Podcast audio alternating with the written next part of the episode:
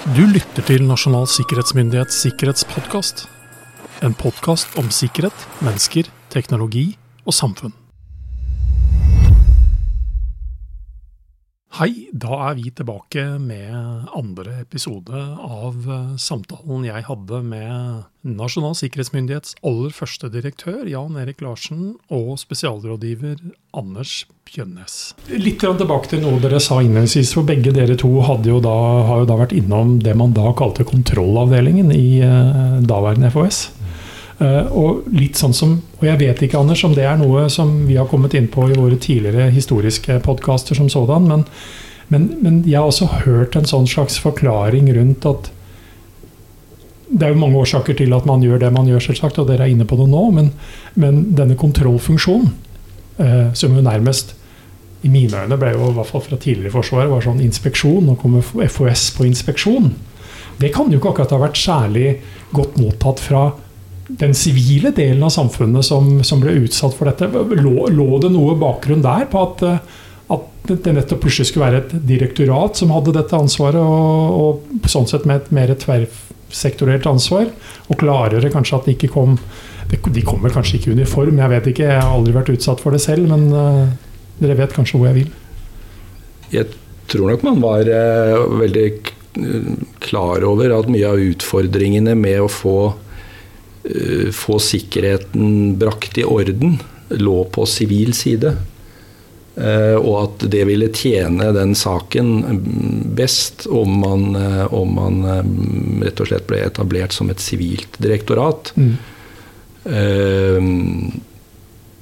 Det, det, det, fikk jo også noen utslag i det at man bestemte seg for at f.eks når en militær stilling ble ledig i direktoratet, så skulle den vurderes hvorvidt det fortsatt var mm. nødvendig at den var militær. Eh, og det ville jo bety en sivilisering av arbeidsstokken over tid, da. Ja. Eh, men så kan du si det er jo andre krefter som drar i den andre retningen. For som vi sa i stad, så skulle jo vi også være et direktorat og et NSM i Forsvaret. Mm. Altså Vi hadde tunge oppgaver inn mot Forsvaret, ja. så vi skulle på en måte gjøre begge deler. Men utfordringen lå vel kanskje mest på sivil side, sånn politikerne oppfattet det. i hvert fall. Ja da. Men det var jo nettopp den vurderingen som du var inne på. For eh, det er jo en del stillinger som du er nødt til å ha en viss kjernekompetanse for, for den militære siden. Mm. Og de har altså å holde personell inne med den, med den bakgrunnen. Og, og, det har vi jo enda. Ja. Men når vi da kommer til nettopp det punktet da, hvor FOS blir til NSM, så skjer det jo også en splittelse nettopp av de menneskene som jobber der. Mm. Fordi man etablerer jo da også samtidig Het det FSA da også? Forsvarets sikkerhetsavdeling? Ja. Mm. Forsvarssjefens realitetens sikkerhetsavdeling som sådan. Uh, og hvordan, hvordan, skjedde det? Hvordan ble den fordelinga? Uh, var det mange som forsvant den veien? Det var vel det største, Størsteparten gikk til eh, direktoratet. Det aller meste gikk aller til meste. direktoratet. Og det var en masse For det første så var det til dels, eh, og stort sett, frivillighet eh, å gå til FSA. Ja. Og det var masse drøft, drøftinger, drøft, drøftinger. Samarbeid, altså samarbeidet med, med, organisasjonene for å få dette her til. Mm. Og det var også dette med nå husker jeg ikke benevnelsen, men det var identiske stillinger. Eller altså det var to begrep. Om det var, altså nå tenker jeg på stillinger over til uh, direktoratet. Ja. Om det var akkurat samme stilling eller, eller, tilsvarende stilling, som betyr noen ting for, for lønn osv. Så, videre. ja. så det, det, var ganske mye på, på den siden her. Men, men, det du spør om, uh, over, de som gikk over til FSA, det var stort sett frivillig. For det var til syvende og sist NSMs, altså direktoratets behov, som styrte i forhold til å beholde altså, kanskje riktig fagpersonell. Altså, eller altså, var, det helt, ja, det var, eller var det så mye frivillighet at man kunne ha mista hele fagområder? Nei, sånn? vi, måtte jo, vi, måtte jo, se til hva FSA ville trenge ja. også. Ja. vi kunne ikke bare nei, tømme sekken. Så det tror jeg var en rimelig bra prosess, stort sett det var jo, eh, det var jo uh, egne arbeidsgrupper uh, ja. rundt dette. Uh, prosjektgrupper. eh, allerede disse tidlige vurderingene som vi gjorde på midten av 90-tallet, så, så, tenkte vi jo nøye gjennom ja, hva er det Forsvaret trenger av eget for, for, å ta vare på egen sikkerhet. Mm. Og et viktig punkt i den sammenhengen er tror jeg, da, eh, var det den uh, gryende erkjennelsen av at uh, Forsvaret ville være mye mer involvert i skarpere utenlandsoperasjoner mm. enn det man hadde vært til da. Ja.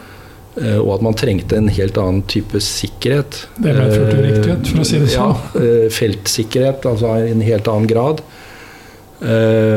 operasjonssikkerhet osv. Som, som også styrte litt det, da, hvem som gikk hvor. Mm. Uh, og så hadde du en, en, en mer sånn juridisk oppsplitting. Altså hvilke si, lover og paragrafer var det direktoratet skulle ha ansvar for, og hvilke paragrafer og lover var det mm. FSA skulle ha ansvar for. Internt, da. Som rådgiver for forsvarssjefen. Men hverdagen for de aller fleste som ble værende, var jo altså, Det var et navnbytte. Uh, fordi bygningen, hovedkvarteret, lå jo FHS sitt lå jo på Kolsås leir allerede. Det var liksom ikke, Man starta jo ikke på scratch. Man, man bytta litt uh, ja, man bytta navn først, og så bytta logoen, logoen litt seinere. Men det jeg tenker på som litt sånn tradisjonelt når det gjaldt FHS, da, uh, så, så, er jo det liksom de klassiske sikkerhetsfagene. Personellsikkerhet, eh, krypto, altså kommunikasjon, samband, eh, fysisk sikkerhet. Eh, igjen mange viktige andre kontrollfunksjoner, den type ting. Men når starter, når starter den digitale eh, sfæren? Var, var, det noe som liksom dere så komme allerede da? Ja, altså Da jeg begynte i 92, så var det jo to avdelinger. Det var kontrollavdelingen, mm. og så var det data- og sikkerhetsavdelingen. Uh, og, og, data er jo en uh, ja. viktig del av det navnet. Uh, det var jo i stor grad det vi i dag kanskje ville kalle systemsikkerhet. Altså ikke nettype sikkerhet, ikke sant. Så som jeg ser det, så begynte mye av det vi, eller dere driver med i dag, begynte hva skal jeg si, 6.10.2000. Ja. Da hadde jeg besøk på kontoret av en eh, mann som heter Suhail Mustak. Ja. Og som kom med forslaget om VDI. Ja. Uh, som jeg da fulgte opp. Og jeg tror 14 dager etterpå at jeg hadde møte med, med E og POT. Og vi ble enige om å ha en styringsgruppe og sette dette i gang. Uh, bare, slik, BDI, BDI, da, varslingssystem, varslingssystem for digital infrastruktur. Ja, ja. Ja. og det ble det jo noe av, og det er jo fortsatt. Og Vi trenger ikke å gå inn på det, men, men det ga jo da uh, et system for å se hva farene var som kom inn, eller følge med i trafikken inn og til dels ut av de som var medlem. Mm. Men så var det da det å følge opp det med ja, hva gjør vi så? Hvordan gir vi råd, ja. og hvordan, hvordan, får vi dette her stoppet? Mm. Og en tredje ting er ja, burde vi ikke ha noe for å, å se om, noen, om det, hvordan, i hvilken grad det går an å bryte seg inn? Burde ja. vi ikke ha en penetreringstjeneste? Mm. Men, men, det startet da, kan du si, på den siden med VDI, sånn som jeg ser det i hvert fall. Og så kommer Når kommer uh, Norsert inn i bildet her? Ja, Norsert eh, kom vel eh, Eller tanken om en Norsert kom ganske raskt etter at VDI kom på plass. Gjorde ja, ikke det? For vi, altså, skulle vel, vi, skulle vel, gjøre nytte av disse dataene som vi fikk. Ja. Bredere. Først kom CERT-begrepet eh, inn i, i, diskusjoner med deler av, av, det og andre. For vi så jo rundt oss i verden at det ble etablert den type organisasjoner. Og så kom Sofie inn i bildet. Ja, hun ble, nåværende direktør. Nåværende direktør. Ja. Hun ble ansatt i, eh, i 2004. Mm.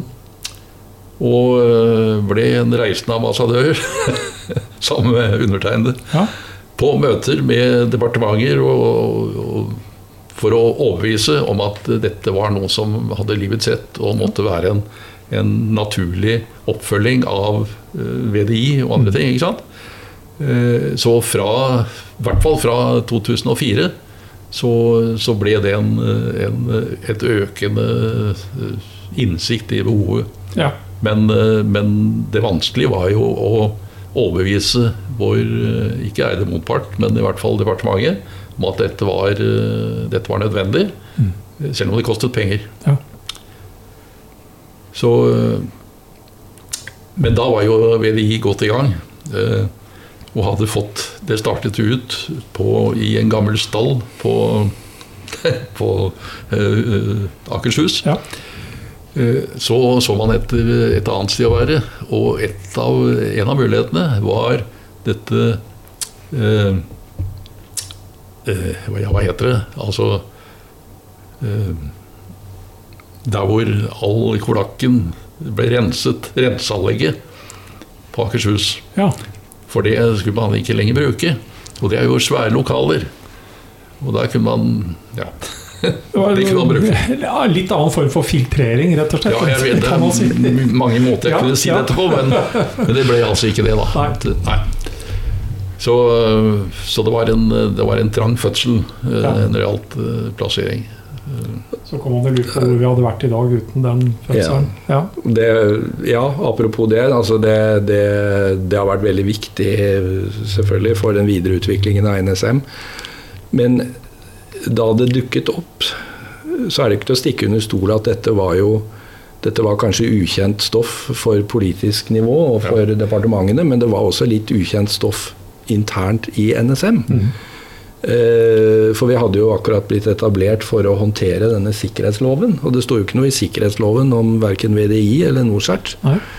Så det skapte jo en viss eh, hva skal vi si, friksjon ja, ikke minst på, på eh, datasikkerhetssiden. Ikke sant? For det ble jo en, en liten eh, gjøkunge i ja. det hele, som ja. skulle ha sin del av, av redet. Og, og, og, og en, et annet moment i, i, den gaten er jo også det at vi hadde, vi hadde jo vært da lykkelig samlokalisert på Kolsås mm. siden 1997. Mm. Ja. Og da plutselig i 2003, da, det var vel litt utpå året 2003, hvor vi fikk ansvaret for VDI over til oss, så ble vi jo plutselig oppdelt igjen. Ja. Eh, så den, den, lykken eh, om samlokalisering, den varte ikke så lenge. Nei, og det tok 20 år før vi da er i ferd med å gjøre det motsatte, hvor vi da nettopp skal samlokaliseres her vi sitter på Fornebu. Så ting tar tid, eh, kan man vel bare erkjenne. Men, men det er jo viktig at både FHS den tid og NSM nå nettopp er i stand til å speile utviklingen i samfunnet, uansett hvilken retning man går i, om det er teknologi, mennesker, politikk, hva det måtte være. Og, uh, det er jo ikke noe som skjer De endringene skjer jo ikke umiddelbart. Man må jo være i stand til å se litt fram i glasskula for å uh, ja, rett og slett ta noen viktige beslutninger. Og, så hvis jeg spør dere egentlig begge to, da hadde dere på den tida Var man i stand til å se hvor inngripende den digitale sfæren realiteten er i samfunnet vårt, og hvor, mye vi, hvor, hvor avhengig vi er av det. Hadde noen? Nei, nei, ikke sant? Nei, altså, det er et, kanskje et ledende spørsmål, men ja. ja men uh, du kunne jo ha tatt på deg hatten og sagt at ja, det så du. Eller, ikke? Ja, ingen ville trodd det. nei, det tror jeg ikke noen så et, uh, hvilken vei dette her kom til å gå. Nei. Men, uh, men gjennom det du har fortalt, så så, så, vil jeg jo si at eh, Sohail og du så jo at noe det, det, var noe man måtte få oversikt over. Det var noe Altså det lå noe i utviklingen som, som eh, man kanskje ikke visste helt hvor gikk, men, men det var man altså nødt til å få en slags oversikt over. Hva er egentlig disse risikoene? Hva, ja, det var, jo, ja det var jo starten på å se nett nettverks- eller nettsikkerhet. Eh, og litt forbi bare systemsikkerhet i, i utstyr. Eh, ja, for, for, vi var jo opptatt før det av graderte systemer. ikke ja. sant? Og graderte systemer var jo per definisjon ikke koblet til internett. Ja. Så det var jo liksom ikke et problem. Mm. Men, men, men potensialet i internett, det, det, det, så vi jo da komme inn over oss. da. Men utviklingen der har jo også gått, fordi jeg kan jo huske at man, man har jo hatt interne diskusjoner i NSM i forhold til nettopp Hvis man da så på Skulle man da konsentrere seg om de graderte systemene innenfor sikkerhetslovens virkeområde? Eh, hvordan skulle man bruke kompetansen sin utover det? Og i dag så har man jo i betydelig større grad et enormt nedslagsfelt når det gjelder altså datasikkerhet, cybersikkerhet, hvilke begreper vi bruker. Langt utover sikkerhetsloven. Men sikkerhetsloven når, når, er den på plass? Første utgave? Er det 98? Er det? 98, 98 tar det en effekt av det. Altså, Den eh, ble vel vedtatt av Stortinget 10. Eh, mars. Eh, den tar ikke effekt egentlig før i 2001. Nei. For det skulle jo skrives forskrifter. Ja. Men loven ble vedtatt i 98 av Stortinget. Ja. Og sammen med E-loven, og E-loven trådte i kraft umiddelbart, mens sikkerhetsloven måtte vente pga. forskriftene. Mm. Uh, og så trådte den da i kraft i 2001. Det var jo, det var jo slik at uh, i arbeidet som ble startet uh, i FT, med disse lovene som, som, da først og fremst ville man hatt det som én lov, E- og S-lov. Mm. Vel, E-siden så ikke behovet for en lov i det hele tatt. De hadde det veldig bra som de hadde.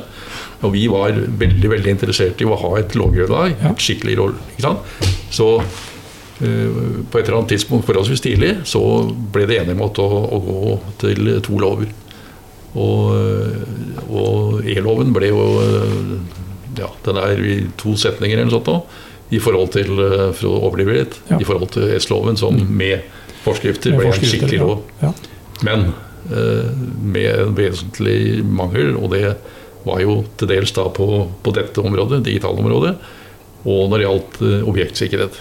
Mm som det står litt om i loven, men som kom først mye senere. Ja. Det vet i hvert fall Anders mye om. Det er, det er et par podkastepisoder i seg selv å snakke om det, kanskje akkurat den prosessen. Det det. Ja. Eh, men når vi da er inne på lover og regulering osv., og, så uh, og så skal vi trekke inn en annen organisasjon i dette her, og det er nemlig EOS-utvalget. Uh, for når begynner de med sin aktivitet overfor oss?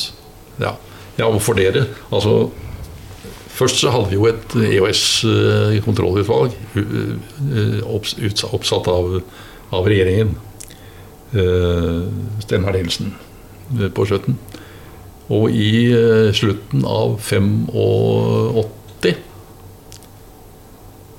Nei, 95 så, så ble det erstattet av et parlamentarisk kontrollorgan.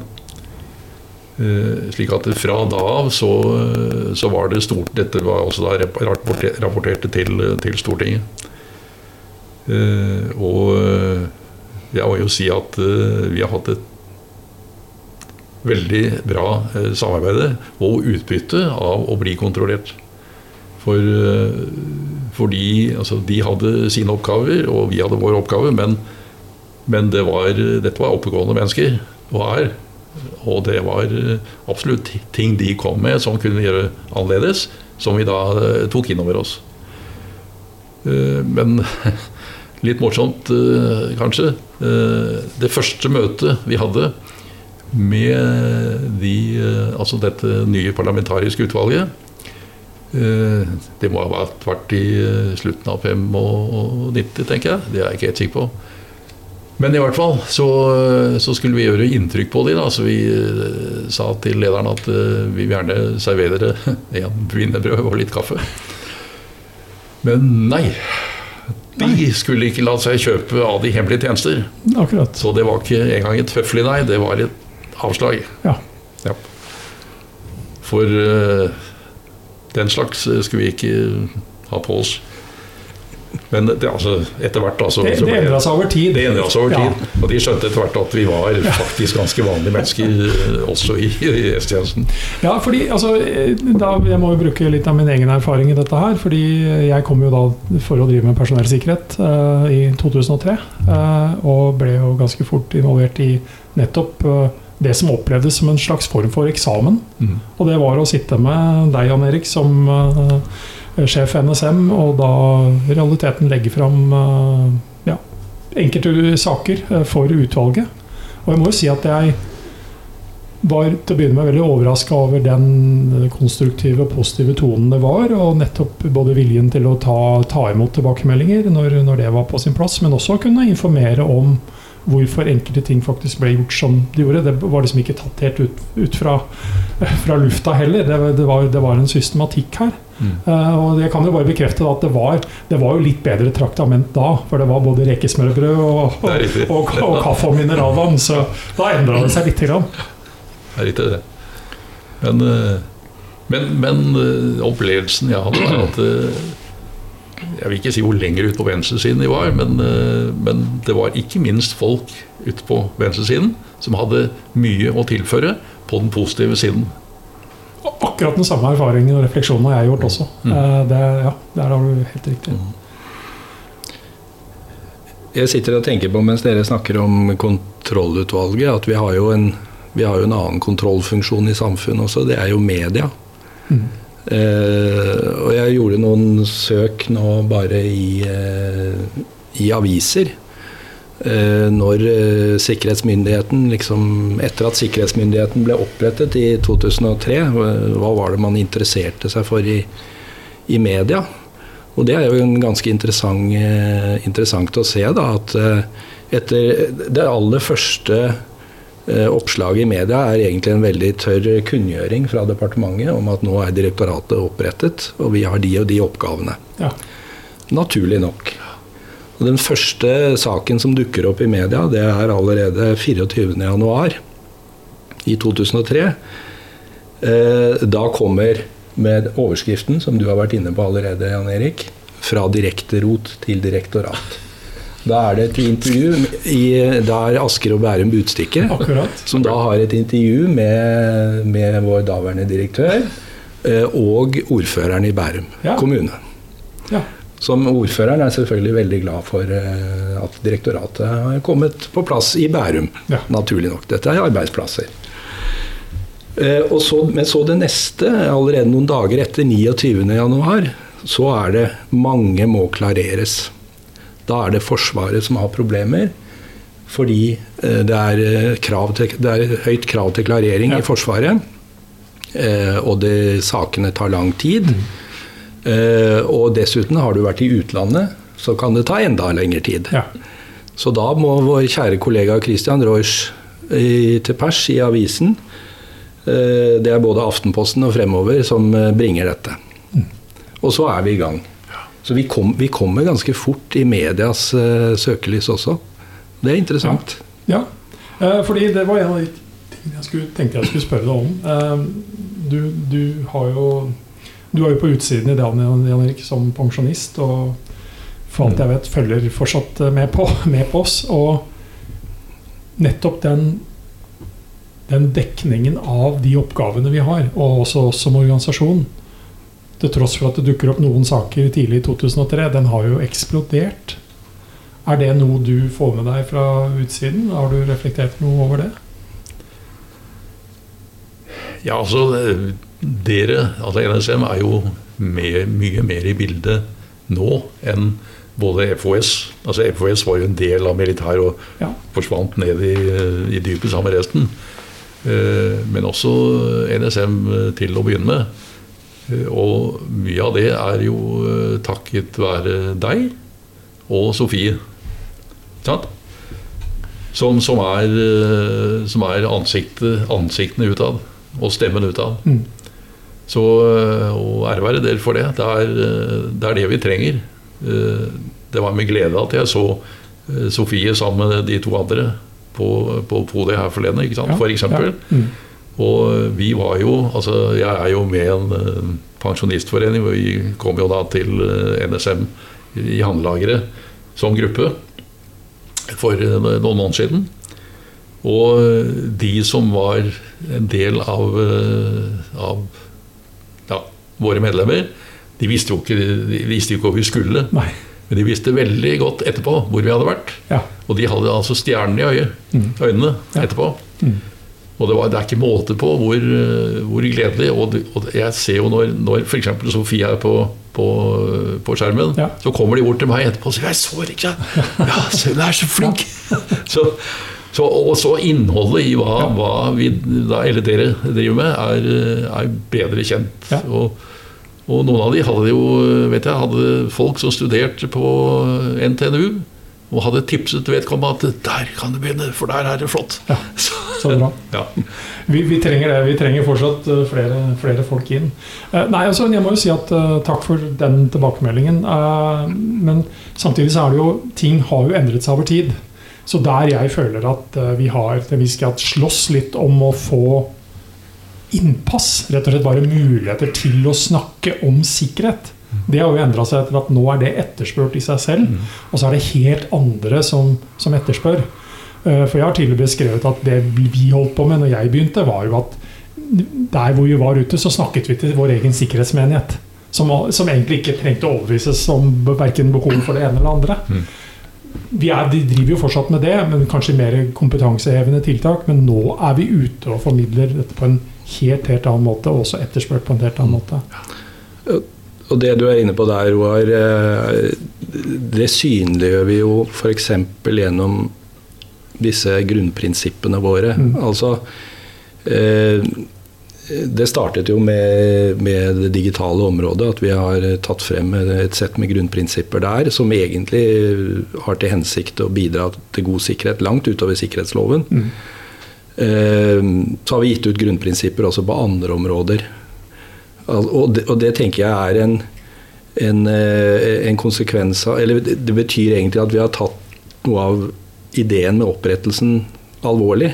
Nemlig at vi ikke bare skulle følge opp sikkerhetsloven i, på begynnelsen av 2000-tallet, men vi skulle også la, la, det arbeidet vi gjør i eh, direktoratet, komme samfunnet til gode i større grad. Det er faktisk skrevet inn i dokumentene i, i forbindelse med grunn, altså da vi ble opprettet. Mm. Så, så den, den, driven der til å mm. få til ting også på utsiden av, av sikkerhetsloven, med, men kanskje med den faglige kjerne og tyngde ja. nettopp der, Eh, har jo vist seg veldig vellykket. da. Mm. Men, men, det hjelper jo også at uh, altså, Dette er jo jeg holdt på å si push-delen. Men det hjelper jo også at, at uh, samfunnet generelt begynner å få øynene opp for behovet for sikkerhet. Ja. Slik at du har også en pull-del i den andre enden. Mm. Så, og det er klart, Tar vi bare det siste halvannet året, så skulle vi jo gjerne vært enkelte store hendelser ja. Unngått de, gjerne, men de er nå der. Og det, det, påvirker i realiteten både etterspørsel og alvorligheten. Mm. Da tenker jeg jo da på Russlands angrep på Ukraina. Mm. Uh, en, en, ting før vi runder av litt. Grann, uh, når dere snakker om uh, media, når vi snakker om formidling og den type ting, så handler jo dette her også om åpenhet. Var, var, Opplevde du det som både sjef FHS og NSM liksom, vi, er, vi, er, jo noen sære fagmennesker som har likt og best å være litt lukket og passe på våre egne hemmeligheter, og kanskje ikke vært så konstruert for å være der ute. Men det har jo av ulike årsaker blitt pusha fram på en annen måte. Men var, var, det noe som man så for seg at man måtte i større grad? Nei, altså det jeg med hensyn til si, hemmelighet så pleier jeg å si at uh, vi har ikke veldig mange hemmeligheter selv, utover uh, kanskje på kryptosiden. Mm. Men det vi har av hemmeligheter, det er alt det vi vet om andres sårbarhet. Ja. Uh, enten det er på si, digital side eller på personellsiden. ikke sant? Mm. Så, så, det vi trenger å skjerme, det er det vi vet om andre. Mm. Eh, I motsetning til f.eks. E eller ja. whatever. Så. Og så pleide vi vel å si det at uh, også skal vi se til at andre holder på sine hemmeligheter. Ja. Det, det, er en, det, er jo en, logikk i det du uh, sier nå, Jan Erik, oppimot det du nevnte i stad, Anders. Og det går jo nettopp på grunnprinsippene som du nevnte. Fordi det er jo til syvende og sist altså, et pro produkt av de sårbarhetene vi vet om. Men vi nevner ikke navn, sted og dato mm. uh, som sådan. Men det er jo erfaringene vi gjør oss nettopp ut fra det totalbildet. Uh, som, som, er med på. Men, men, det har jo vært en vei allikevel å ende opp med å dele den informasjonen. da som vi i ettertid kan si må ha vært en, eller er en betydelig suksess i forhold til at vi kommer med den erfaringen vi har. Det er jo det, for eh, det har jo vært en vei fordi Fordi eh, det er jo ikke bare å si at eh, veilederne til sikkerhetsloven eh, de kan brukes overalt. Altså det er andre behov, og, og man, man, må liksom jobbe med, jobbe med faget da, for å tilpasse det mer målgruppen. Så det, det, krever, jo, det krever, jo, arbeid i, i, sikkerhetsmyndigheten å ha den ambisjonen liksom, å, å gjøre sikkerhetsfaget tilgjengelig også for andre utover eh, lovens nedslagsfelt. Eh, men, men, igjen er jeg tilbake til hele intensjonen med NSM var jo at man, man skulle legge mer i å, å nyttiggjøre seg den kompetansen man hadde i NSM, også for andre formål. Ja. Og det formålet tror jeg vi har greid ja. gradvis over tid i form av utvikling. Ja, absolutt. Jeg nevnte i stad, Jan Erik, eh, du har fulgt med oss litt fra utsiden. Og nå sitter du her og spiller inn såkalt podkast med oss. Og podkasten, når jeg har sjekka litt kilder, den dukket opp som fenomen faktisk i 2003. Har man nevnt dette var første gang. Uten at noen da sannsynligvis tenkte hvor det kom til å gå hen også.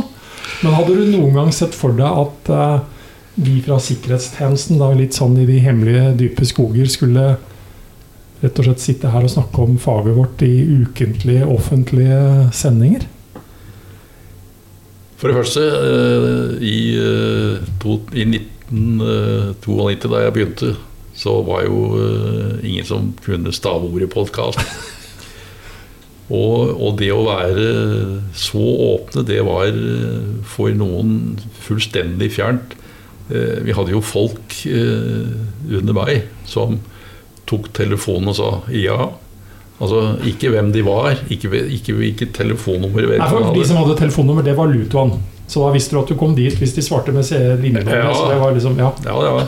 Men, men ikke navn igjen. Og, ikke sant? Det vet jeg tenkt på. Så, så, så, tanken om å sitte om noen år og, og være med på en podkast eh, som går ut til, eh, til det hele folk, nesten eh, den var ikke tenkt. Nei, nei. det var ikke og, og, tanken på å sitte i et, eh, et sted på, eh, på Fornebu, hvor NSM har nydelige lokaler mm. i forhold til å sitte på Husby i tredje etasje, ja. var også veldig fjern. Ja. Så, så, det har vært en lang reise for, for, deg og for dere og for meg, for så vidt. Som har vært bra. Men da tror jeg rett og slett vi runder av denne eh, historiske samtalen på, på, den ene og andre måten om eh, NSMs eh, tilblivelse og, og, fødsel. Og så er jo ikke historien om NSM skrevet, Anders. da, Og det er vel rett og slett et lite prosjekt du egentlig sitter med? Ja, det, det er det. Og 20 år kan jo høres lite ut, men det er jo mye stoff, da. Så uh, dette jeg, jeg, kan ikke love når det kommer. Altså, uh, det minner meg om da jeg i mange år sto på sikkerhetskonferansene til daværende FOS og snakket til menigheten da, mm. og lovte at objektsikkerhet det kommer nå snart. Uh, og det sa jeg i mange år. Objektsikkerhetsforskriften. uh, ja. Jeg håper jo at uh, det ikke tar så lang tid med, med, dette prosjektet, da. For vi har jo da boka om NSMs, eller FOS sin historie fram til dette tidspunktet som, er jo skrevet. Som Hans Morten ja. Synsnes skrev, ja. Mm. Og så har vi da et prosjekt på den litt mer nåværende historien som, som du sitter med. Tusen takk, Jan Erik, for at du tok deg tid og bidro med kunnskap. og litt uh, ting med glimt i øyet, rett og slett. Det er, det er den gode gamle jeg kjenner igjen. Uh, Veldig hyggelig å, å, være her og, og mimre, eh, ikke minst. Litt. Ja. Og, og, jeg måtte jo forberede meg, så jeg måtte jo lese ting som jeg hadde glemt. Ikke sant? Ikke sant? Opp til, til dette møtet. Ja. Så veldig hyggelig. Og takk, Anders, for nok et bidrag i historie om NSM. Det er bare hyggelig. så ønsker jeg de som også lytter på, en trygg og sikker dag videre.